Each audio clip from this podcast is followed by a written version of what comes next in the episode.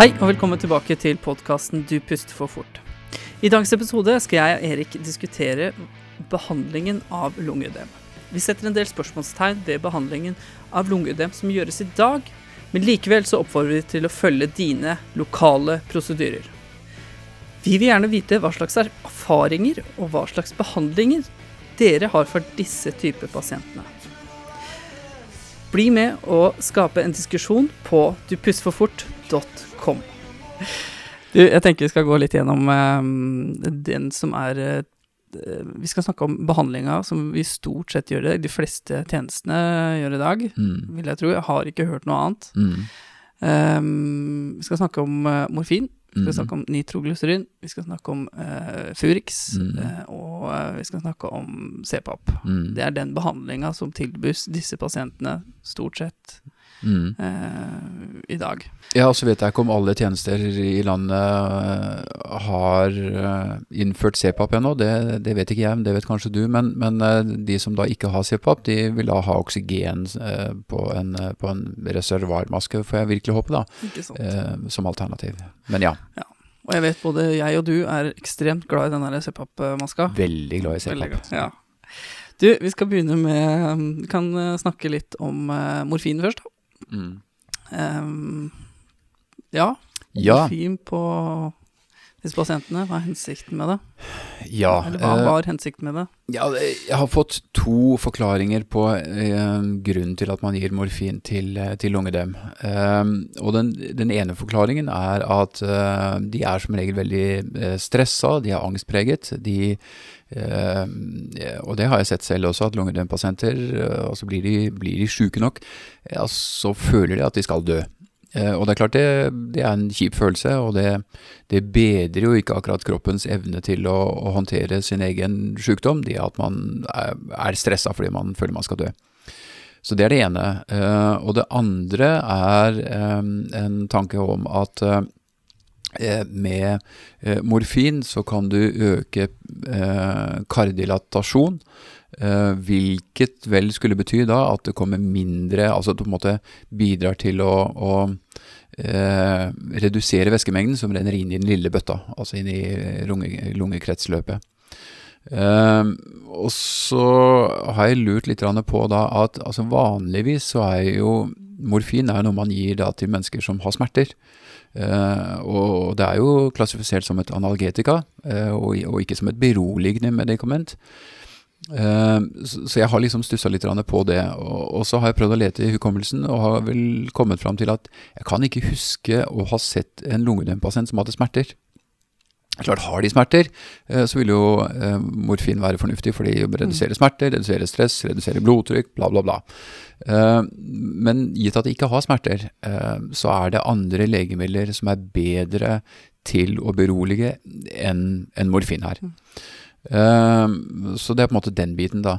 Eh, når det gjelder dette med å øke uh, perifer kardilatasjon, eh, det gjør for så vidt morfin, eh, gitt at du gir det lokalt.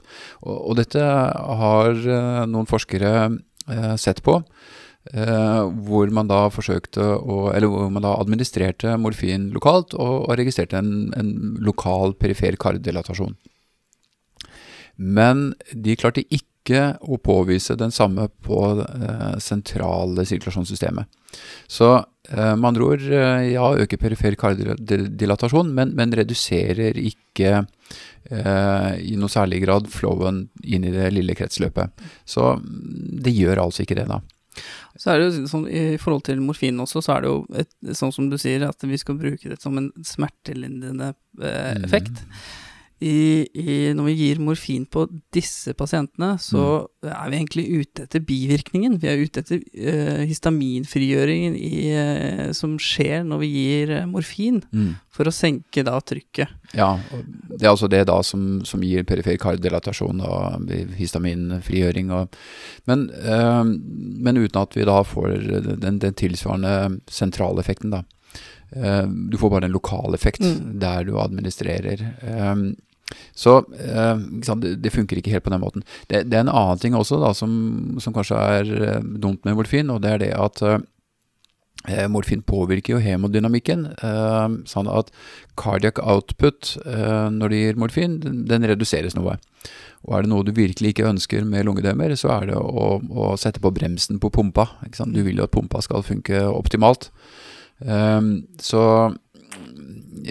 ja, totalt sett så gir det da en, en dårlig kall det, direkte effekt på lungedemmet. Mm.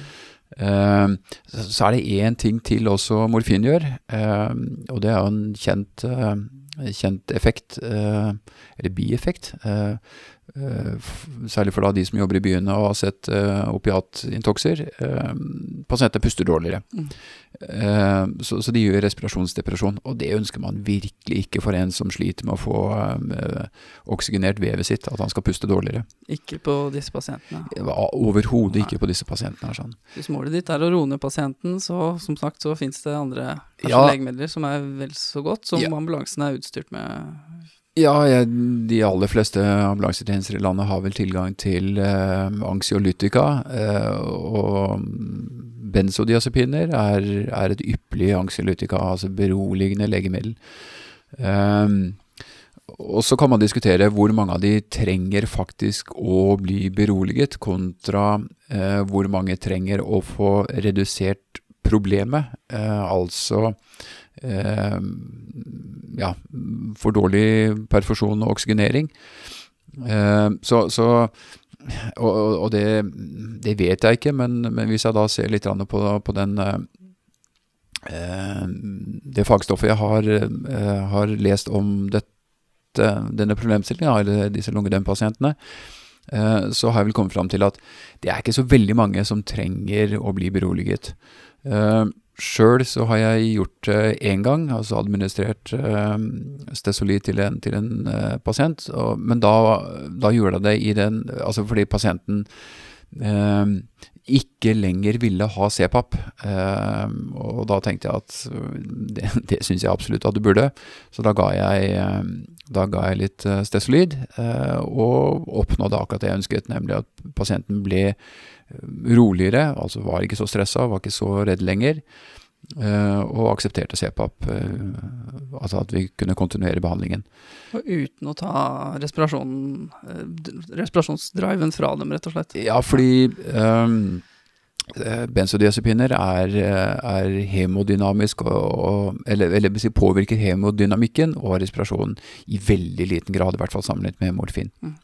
Så det er klart, eh, det er vel sånn at de fleste eh, systemer med denne tradisjonelle måten å behandle eh, lungedem på, med, med altså da 0,4 nitro, 2,5 morfin, oksygen og 20 eller, eller mer med furosemid, det er klart 2,5 mg morfin det er jo ikke veldig store dosen, så, så, det er ikke sikkert at det påvirker hemodynamikken og respirasjonen så fryktelig mye. Men, men, men det har faktisk da det, den effekten, eh, og det ønsker vi virkelig ikke å gjøre. Mens da benzodiazepiner er ansett å være mye tryggere i forhold til både hemodynamikk og respirasjons... Eh, altså påvirker respirasjonen mye mindre. Mm. Så Hvis man ser på studier også som er gjort, da, så viser um, studiene at uh, ved bruk av uh, morfin um, så gir det en, inn, inne på sykehus gir en økt intubasjonsrate mm. og økt på en måte intensivbehandling. da. Ja, um, det, er, det, er, et par studier som viser at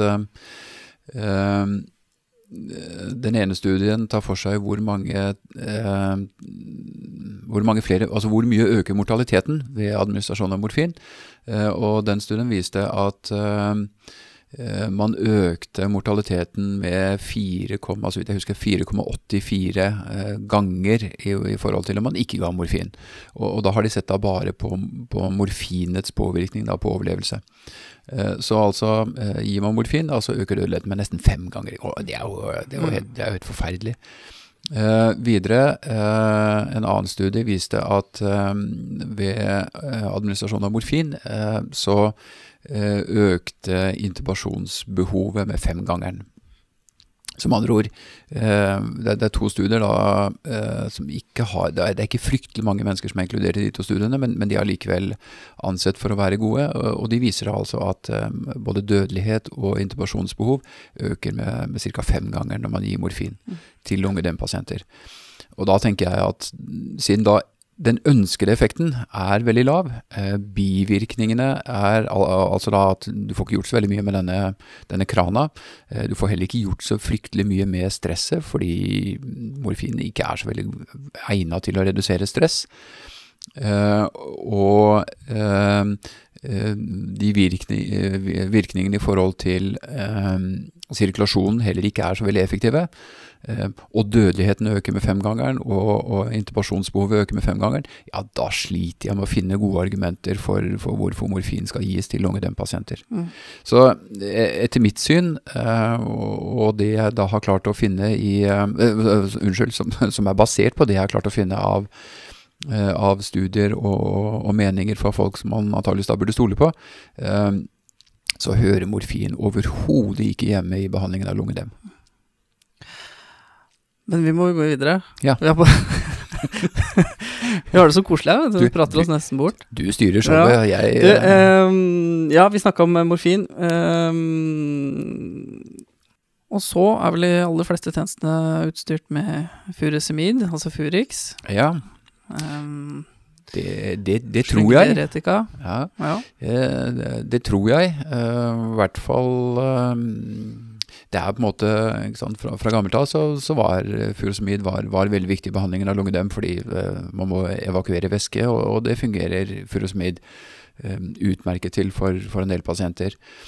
Uh, men hvis jeg da liksom hopper litt tilbake til denne bøtteanalogien, da, og, og, dette premisset om at Drøyt 50% av lungedempasientene er ikke hypervolemiske. De er derimot normo, eller faktisk da hypovolemiske. Og det er viktig. Ja, det, det er jo viktig.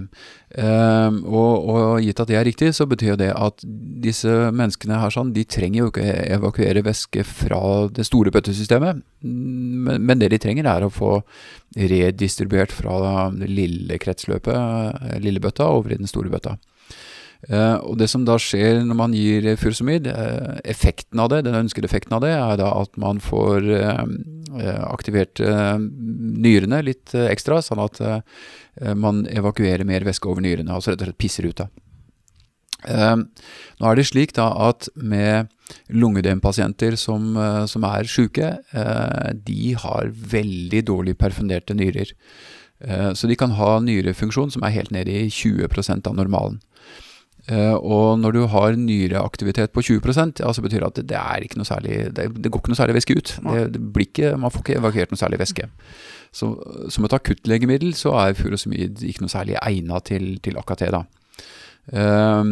Og, uh, og, studier har da vist at den ønskede eh, volumreduksjonen over nyrene med furosemid Eh, oppnår du for lungedempasienter etter ja, det er, det er, noen studier som viser at du får nesten ingen effekt før det har gått 20 minutter.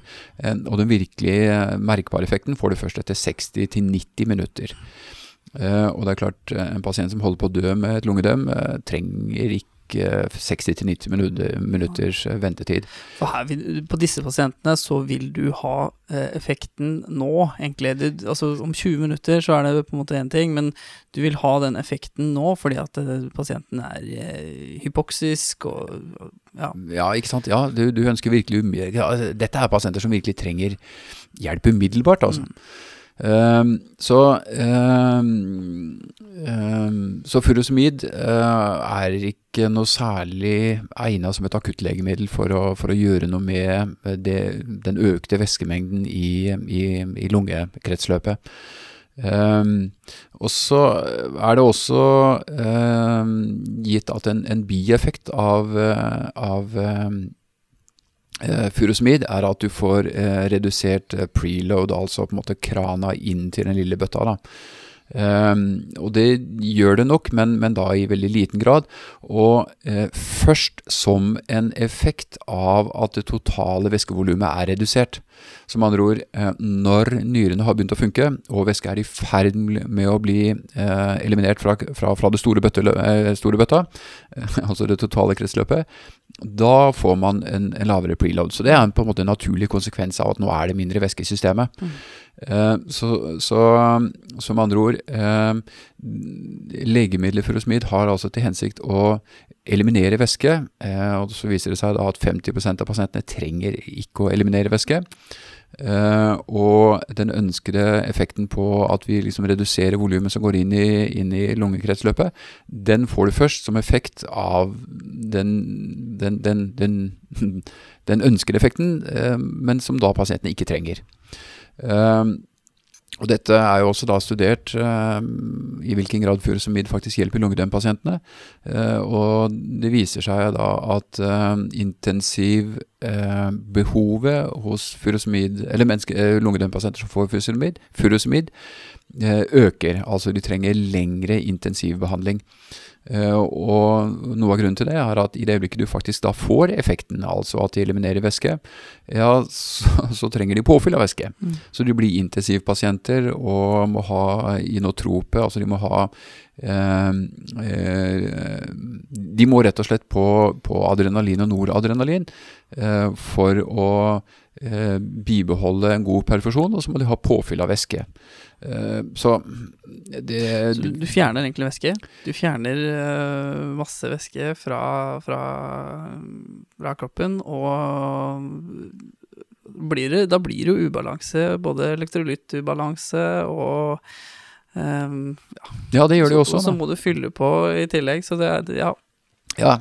Du, du um du forsøker å ordne et akutt problem eh, med noe som fungerer dårlig eh, som akuttiltak. da, eh, Og så ender det opp med at, at pasientene trenger lengre intensivbehandling fordi eh, de, er, de blir som en følge av, av, av, akuttbehandlingen, som igjen da ikke er effektiv, eh, så ender de opp som langtidspasienter på intensiv fordi de er, de, som en konsekvens så blir i ubalanse. da. Mm.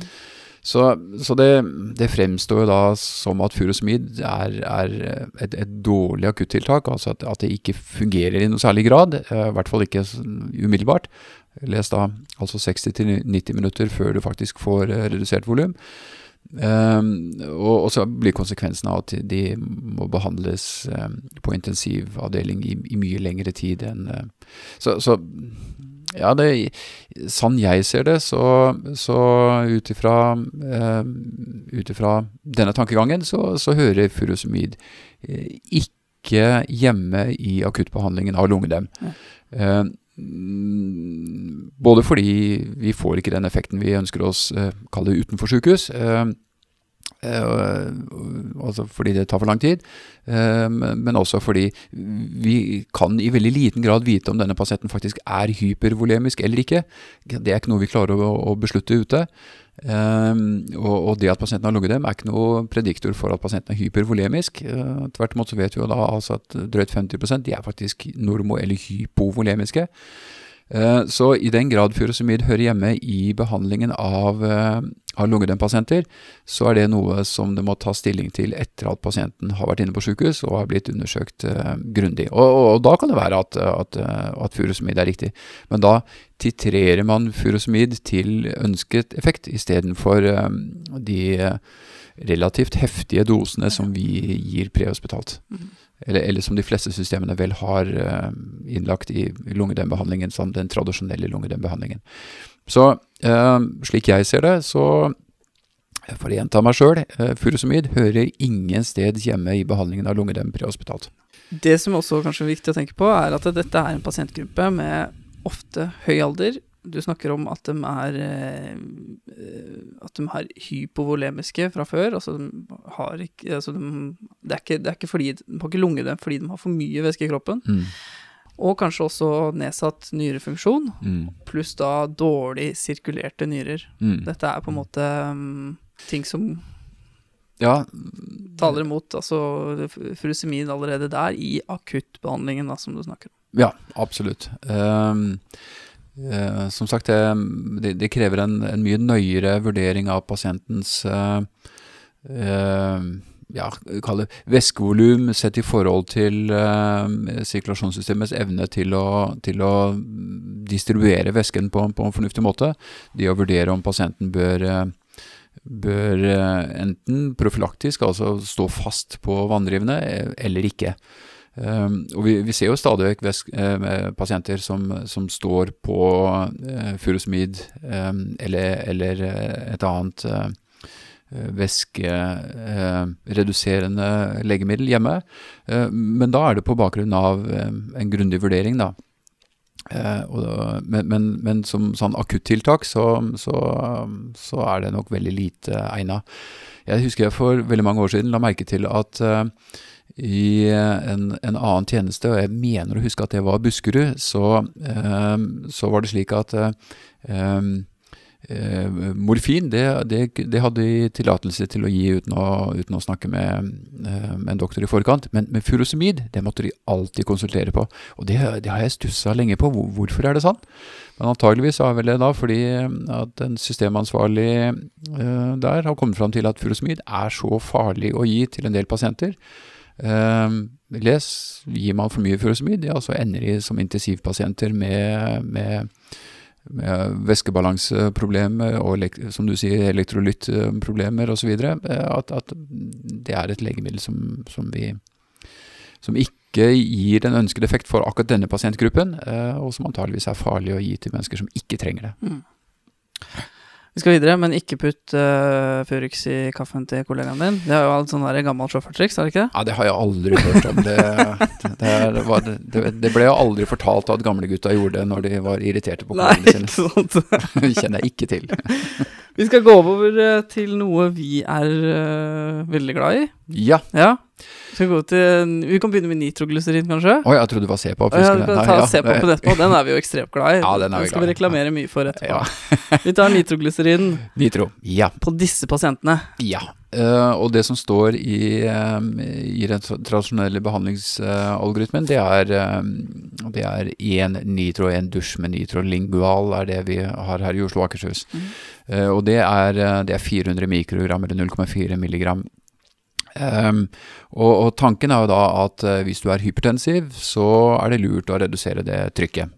Uh, og det er jo for så vidt et, et riktig prinsipp. Uh, så kan man jo selvfølgelig spørre seg, da, når man kommer til en pasient med ja, la oss si ja, 225 over 115, som er en lungedempasient jeg hadde for ikke så lenge siden, i hvilken grad reduserer du blodtrykket hans, med, altså det systoliske trykket hans, fra 225 med 0,4 mg nitroglyserin? Og svaret på det er nada. Mm. Altså i praksis ingen verdens ting. Uh, men nitroglys nitroglyserin uh, har, uh, har, har, flere gode effekter på lungedempasienter. Det ene er at du virkelig reduserer preload. fordi karsengen, på en måte rundbaut, øker.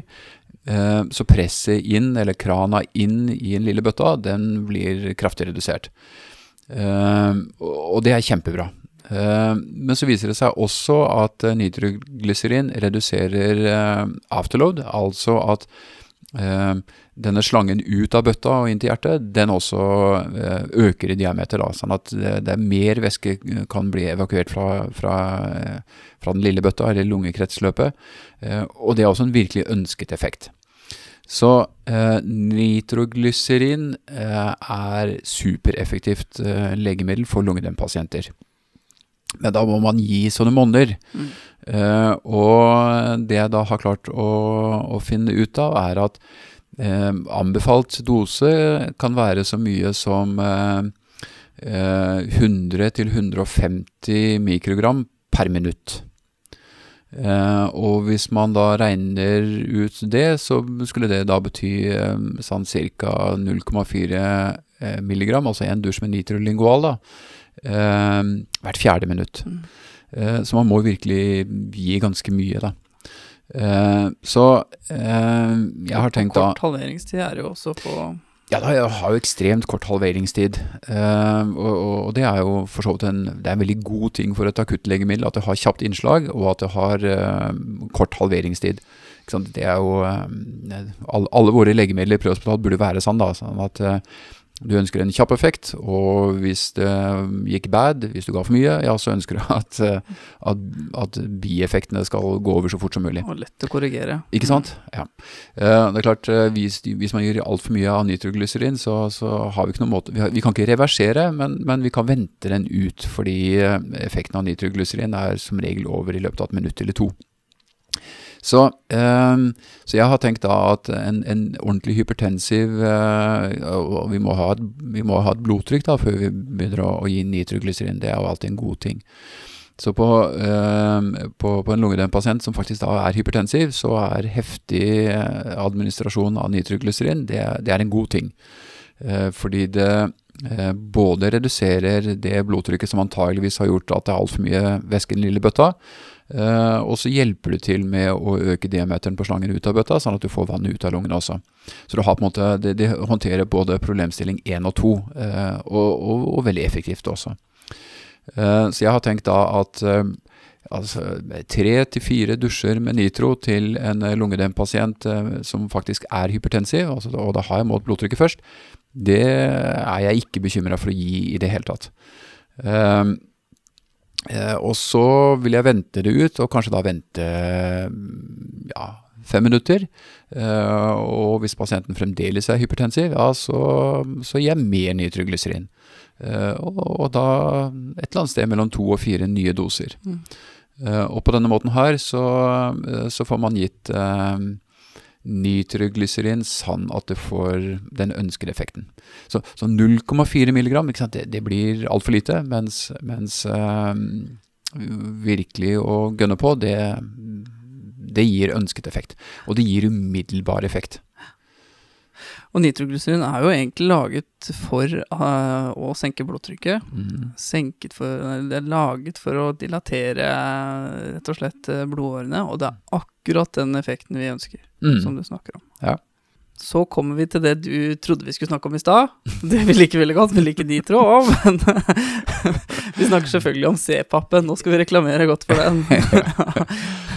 CPAP er, er, et fantastisk hjelpemiddel. Eh, og for lungedømpasientene så har CPAP-en eh, den effekten at eh, for det første eh, Altså når du eh, gir oksygen eh, med litt overtrykk, så betyr det at idet pasienten puster ut, og da mot et mottrykk, ja, så spiler man ut litt mer lungevev. Altså du Uh, åpner opp sånn at mer alveolevolum blir, får gasstilgang. da.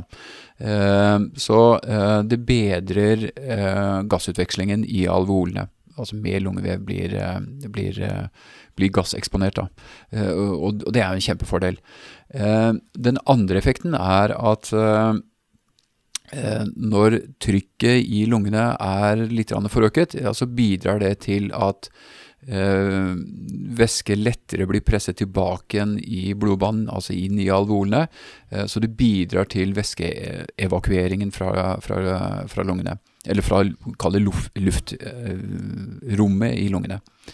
Eh, så det har den effekten også. Så med andre ord, vi tilbyr 100% eh, oksygen istedenfor bare 20,9% som er den lufta de vanligvis puster inn mot et mottrykk, sånn at vi får spilt ut mer eh, lungevev. Eh, og det økte trykket eh, gjør at mer væske lettere eh, går over i alvolene og da blir sirkulert vekk. Eh, så det har jo en, en, en, en mange ganger god effekt, da. Eh, så, så, lenge pasientene tolererer CPAP, eh, og, og, dette er virkelig pasienter som, som vi virkelig bør overtale, altså på en mm. måte med nærmest true til å akseptere CPAP, så er det fryktelig effektivt. Og, og så, så, den virkelig gode effekten da, det er eh, det er CPAP med, med, det jeg nesten får kalle høydose nitroglyserin, det er, eh, det er supereffektiv behandling for lungedempasienter. Mm. så CPAP det er eh, så, eh, så, så, tanken min om, om, hvordan vi burde behandle lungedempasienter nå, det er altså eh, gitt at ikke noen alvorlige kontraindikasjoner mot CPAP er til stede. For det er viktig. Ja, og det er viktig. Ja. Uh, og, og, og, så kan man selvfølgelig diskutere hva, hva er de alvorlige kontraindikasjonene. Uh, men, men, men gitt at det på en måte er ryddet av veien, så er det CPAP-maske på. Uh, og så er jeg litt advokat for å, å, starte med en relativt lav pip, særlig for de som føler at de holder på å dø på seg, sånn at de ikke skal på en måte eh, nekte maske eller nekte CPAP uh, på tidlig tidspunkt. Da. De må på en måte ikke oppleve at dette her er så plagsomt at de ikke tolererer det. Eh, så heller starte med en, en nokså beskjeden pip. Eh, og så heller øke på etter hvert som pasienten subjektivt føler at det her hjalp, eller nå føler jeg meg litt bedre. Ja, så skal man heller øke på pipen, eh, og gjerne komme opp til et, et nivå som som virkelig er effektivt. Da. Og da bør man kanskje over, i hvert fall over fem-seks for, for, å være virkelig effektive. Og så er det viktig å, å, å, bibeholde det hele veien, i hvert fall så lenge pasienten har våte lyder i lungene, fordi det er veldig effektivt. Uh, og en liten sånn kjepphest fra min del, eh, selv om du er veldig nærme sykehuset, uh, og du tenker at den CPAP-maska, den, den, kommer på når du skal på sykehuset, mm. så start den CPAP-behandlinga så fort du kan ute jo fortere du får behandla pasienten med CPAP-maske og eventuelt nitro. Det gjelder også i forhold til ja, alvorlig eller astmatikere. Mm. Det tar tid, altså, for du skal, du skal uh, kjøre pasienten til sykehus, du skal mm. avlevere, du skal gi rapport. De vil gjerne ha en blodgass før de setter på en CPAP-maske. Mm. Um, så det tar ofte veldig lang tid. Mm. Så sett på den CPAP-maska tidlig for å måte få starta den behandlingen. Det er det pasientene trenger. Ja, ja. Jeg er helt enig. Eh, så det er eh, som sagt eh, Så snart kontraindikasjoner er ryddet av veien, så er det CPAP på, altså. Mm. Det, det, er, det er første tiltaket mitt. Eller det er i hvert fall sånn jeg ønsker at det skal være, da. Og, og, så, og, så, beholder det på. Og jeg har registrert at de, de gangene jeg har behandlet lungedem med, med CPAP, så har jeg aldri opplevd at de på sykehuset tar den av. gitt at på, på en måte rapporten og, og, og tankegangen bak er, er, riktig og blir presentert riktig, så har jeg ennå ikke opplevd at de sier at nei, den skal vi ta med en gang fordi vi skal ta en blodgass. Mm. Eh, så jeg, jeg tror mottakene på sykehusene er villige til å godta at det er riktig behandling, selv i de tilfellene hvor pasienten faktisk er blitt vesentlig bedre og, og ikke fremstår som på en måte daudsjuk når du kommer til sykehuset. Mm. Um, så og Det samme erfaringa har jeg også. Eh, på en måte Du setter på CPAP-en ute, eh, leverer inn på sykehuset. De blir liggende med CPAP-masken. Mm. Um, det kan være de bytter til BIPAP, da. Eller, de, eller BIPAP, ja. da, for eksempel. Mm. Uh, men hvis du ikke starter den behandlingen, så, så tar det ofte tid før ja. den CPAP-masken kommer på. Ja, ja. Uh, og du har allerede en, en, en mistanke, da, eller en, en, symptom på, på, på lungeødem. Ja. ja. Og her er det jo viktig da at, at man blir møtt i mottaket med, med beslutningstagere. Sånn at sånn jeg ser det, så er en, en lungedempasient er en teampasient. Det er altså ikke en som skal møtes på et triasjerom av en sykepleier, men, men skal møtes av et, et medisinsk team. Mm. Uh, og, og det er nok viktig for, for, at ikke pasienten blir ansett å være kanskje, kanskje bare litt syk, og, og, og, og, ikke blir håndtert av en, av en beslutningstaker som kan vurdere om, om det er riktig å, å, å fortsette eh, CPAP-en.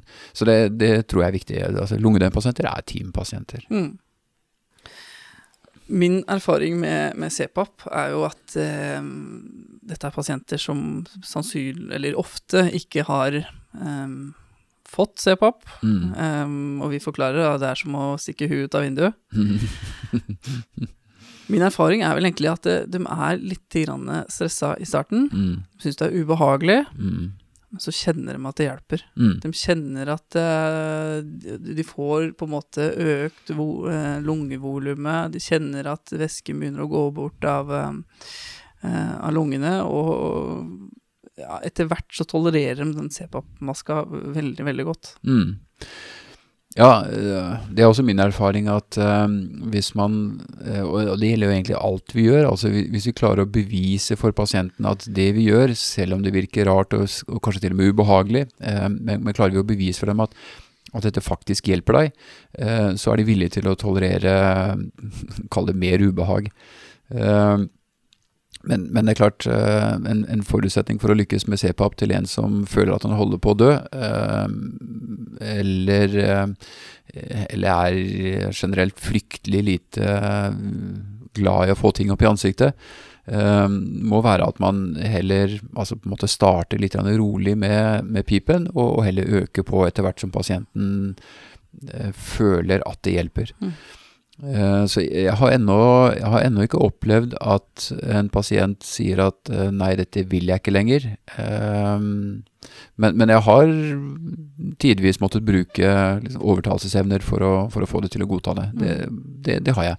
Men, men, men da tenker jeg at siden siden effekten av CPAP er så bra, eh, og ikke bare på lungedempasienter, men på en del andre problemstillinger også, så, så er det verdt å bruke den tida på det. Altså bruke de kreftene og, bruke all ens overtalelsesmakt eh, for, for, å kunne, få det til å tolerere. Eh, det, det tror jeg absolutt er verdt.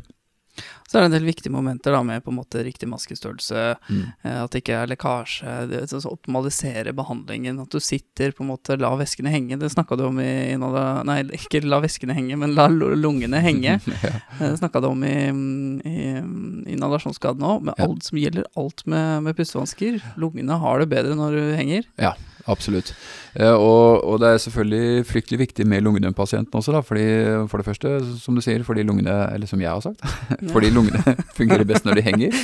Eh, men, men også fordi det er veldig gunstig for lungedømpasienten å få samlet all væsken på ett sted. eh, Og tyngdekraften er glimrende på å samle væske. Eh, Så hvis vi får samlet eh, all væsken nederst i lungene, eh, så, så får vi hjelp av tyngdekraften også til å eh, evakuere væsken fra eh, luftvev i lungene og over i alvolene og få eliminert det på den måten. Så eh, disse her skal jo selvfølgelig ikke ligge, altså de skal jo sitte. Og, og det- det vil de også. Mm. Eh? De sitter jo gjerne foroverbøyd og, øh, og De sitter når vi kommer. Ikke sant, de gjør det også. Eh, så i den grad eh, I den grad vi ser liggende lungedempasienter, så eh, ja, altså, ok, da, da er ikke første tiltaket lenger CPAP, da er første tiltak å få de opp i sittende stilling. Altså. Ja. Eh, Og det er kanskje det aller viktigste, så vi burde egentlig tatt først, Erik. unnskyld. unnskyld. Jeg tenker vi avslutter C-papen nå. Ja. Vi er jo uh, Vi reklamerer godt for den. Jeg, jeg håper Ja. virkelig det. Jeg, jeg, jeg håper at uh, de tjenestene i landet, hvis det er noen da, som ikke har, uh, har CPAP ennå, de har en liten jobb å gjøre også, for det er et fantastisk hjelpemiddel. Mm. Det, og, og, og på veldig mange problemstillinger. Som sagt, ikke bare lungedem også, men eh, pneumoni og alvorlig astma og, eh, og, ikke minst kols. Eh, så det er, det er, det er en bra dings. Mm. Og det trenger ikke være så fryktelig komplisert heller. Eh, det, kan, det finnes engangsutstyr som er billig innkjøp, eh, og som gjør jobben, eh, og som er engangs. Eh, og i, et, i dagens samfunn så burde vi ikke være glad i engangs- og, og plastutstyr, men, men akkurat her så CPAP er bra. Vi går for dem begge to. Ja, la oss gjøre det. Nå har vi prata godt og lenge, Erik. Ja, Det er et uh, tema som har øh, interessert meg lenge, og det er du som har introdusert meg for, um, for denne type behandlingen, da. unnskyld. Ja, unnskyld. det har fått meg litt um, Jeg har blitt litt, litt øh, entusiastisk og, og nysgjerrig. Mm. Så jeg syns dette her er en morsom måte å kanskje um, ja, gi litt informasjon ut på. Mm. Vi har jo en del studier som vi har eh, lest litt gjennom. Ja. Det er ikke noe vi har sittet og funnet på dette her, eller du som har introdusert meg for dette her. Nei, jeg kan ikke ta på meg æren for det. Nei. Um, vi kommer til å legge ut en, um, et innlegg på, på, hjemmesiden til Du puster for fort. Ja. Det er uh, www.dupustforfort.com. Mm. Skal vi skrive kort om det vi har snakka om i dag. Uh, vi skal legge ut um, de artiklene som vi har brukt Mm. i researchen på, på podkasten. Mm. Og vi skal legge ut videoen som rett og slett du kan sette deg og, og se på i, i, ro og mak, som vi, som vi har vært inne snakka, snakka litt om i dag. Ja. Um, det, det, som, det, som, fikk meg virkelig interessert i dette, um, var um, dette foredraget av en, doktor, en amerikansk lege som heter Amal Matu, og han forklarer både patofysiologien og behandlingsmekanismene rundt både de legemidlene som, som jeg mener vi skal slutte å bruke, da, og, og også eh, det jeg mener er riktig, eh, på en veldig god måte. Eh, dette er forståelig uten at man er uten man er spesiell, spesialist i indremedisin eller kardiologi. Så, så det syns jeg er veldig bra. Så hvis man bruker en time og ni minutter av sitt liv til å, å se denne, så, så, tenker jeg at da, da, da, forstår man mekanismen bak lungedem og, og, og, og hvordan det bør behandles. Mm. Så den, den, kan jeg virkelig ikke få anbefalt varmt nok. og det det skal jo eh, doktor Lune på Nibilen ha stor kred for, for det var han som presenterte meg for dette sånn første gang. Eh, og så eh, har jeg diskutert det med mange leger på Nybilen, og også med en, en kardiolog som også forsker inne på Ullevål. og jeg har ennå ikke støtt på noen som mener at ikke denne presentasjonen av lungedembehandling eh, er, er, riktig. Alle sier at dette her er riktig måte å gjøre det på. Så eh, det anbefaler jeg på det varmeste å titte litt på, på de linkene som du legger ut. Det, der er det mye godt materiale. For alt det vi har snakka om i dag, det gir jo egentlig mening. Ja, det er klart. Jeg er fullstendig klar over at det er veldig lite jeg vet om medisin. Mm. Men, men, dette her er jeg i stand til å forstå. Uh, og så har jeg vært freidig nok til å velge å behandle noen pasienter på denne måten. Uh, og har sett da en effekt på lungedømbehandling um, som jeg aldri har sett i tilsvarende grad. Altså med tilsvarende effekt, da. med tradisjonell behandling av, av lungedem. Mm. Så jeg, jeg har virkelig tro på dette. Vi kommer til å legge ut linkene til studiene. Vi kommer til å legge ut link til videoen. Jeg får ikke videoen inn på sida, men link til, kommer til å ligge der. Og vi kommer til å skrive en liten, liten artikkel, blogginnlegg, om, om behandling av lungeødem. Mm. Og så vil vi gjerne høre hva slags erfaringer som finnes der ute, da. hva, hva slags erfaringer har dere gjort, dere der ute? Mm. Og Det skulle vært veldig interessant å vite også om, om, det er noen tjenester som faktisk har det kan, det kan det veldig godt være at det er noen som allerede har innført denne måten å behandle lungedemme på. Det, det, hadde virkelig vært interessant å, å hørt. Hva, mm. hva, gjør dere med lungedemmer, folkens? Mm. Da kan dere gå inn på siden, og så kan dere kommentere under blogginnlegget. Så vil vi gjerne ønske vi vil gjerne vite hva slags erfaringer og hva slags behandlinger dere gir til denne type pasienter. Mm. Erik Vestnes, ja. hjertelig takk for at du ville komme nå. Takk for at du ville snakke med meg nok en gang. Og tilbake. Det var veldig koselig. og hvis du ikke har hørt eh, podkasten om Den heter Inhalasjonsskader, del 1 og 2, så anbefaler jeg å uh, lytte på den. Der uh, snakker vi om um, inhalasjonsskader og cyanidforgiftning og ja. CO-intoxer. CO-intokser. Hjertelig takk for nå. Likeså. Alltid hyggelig.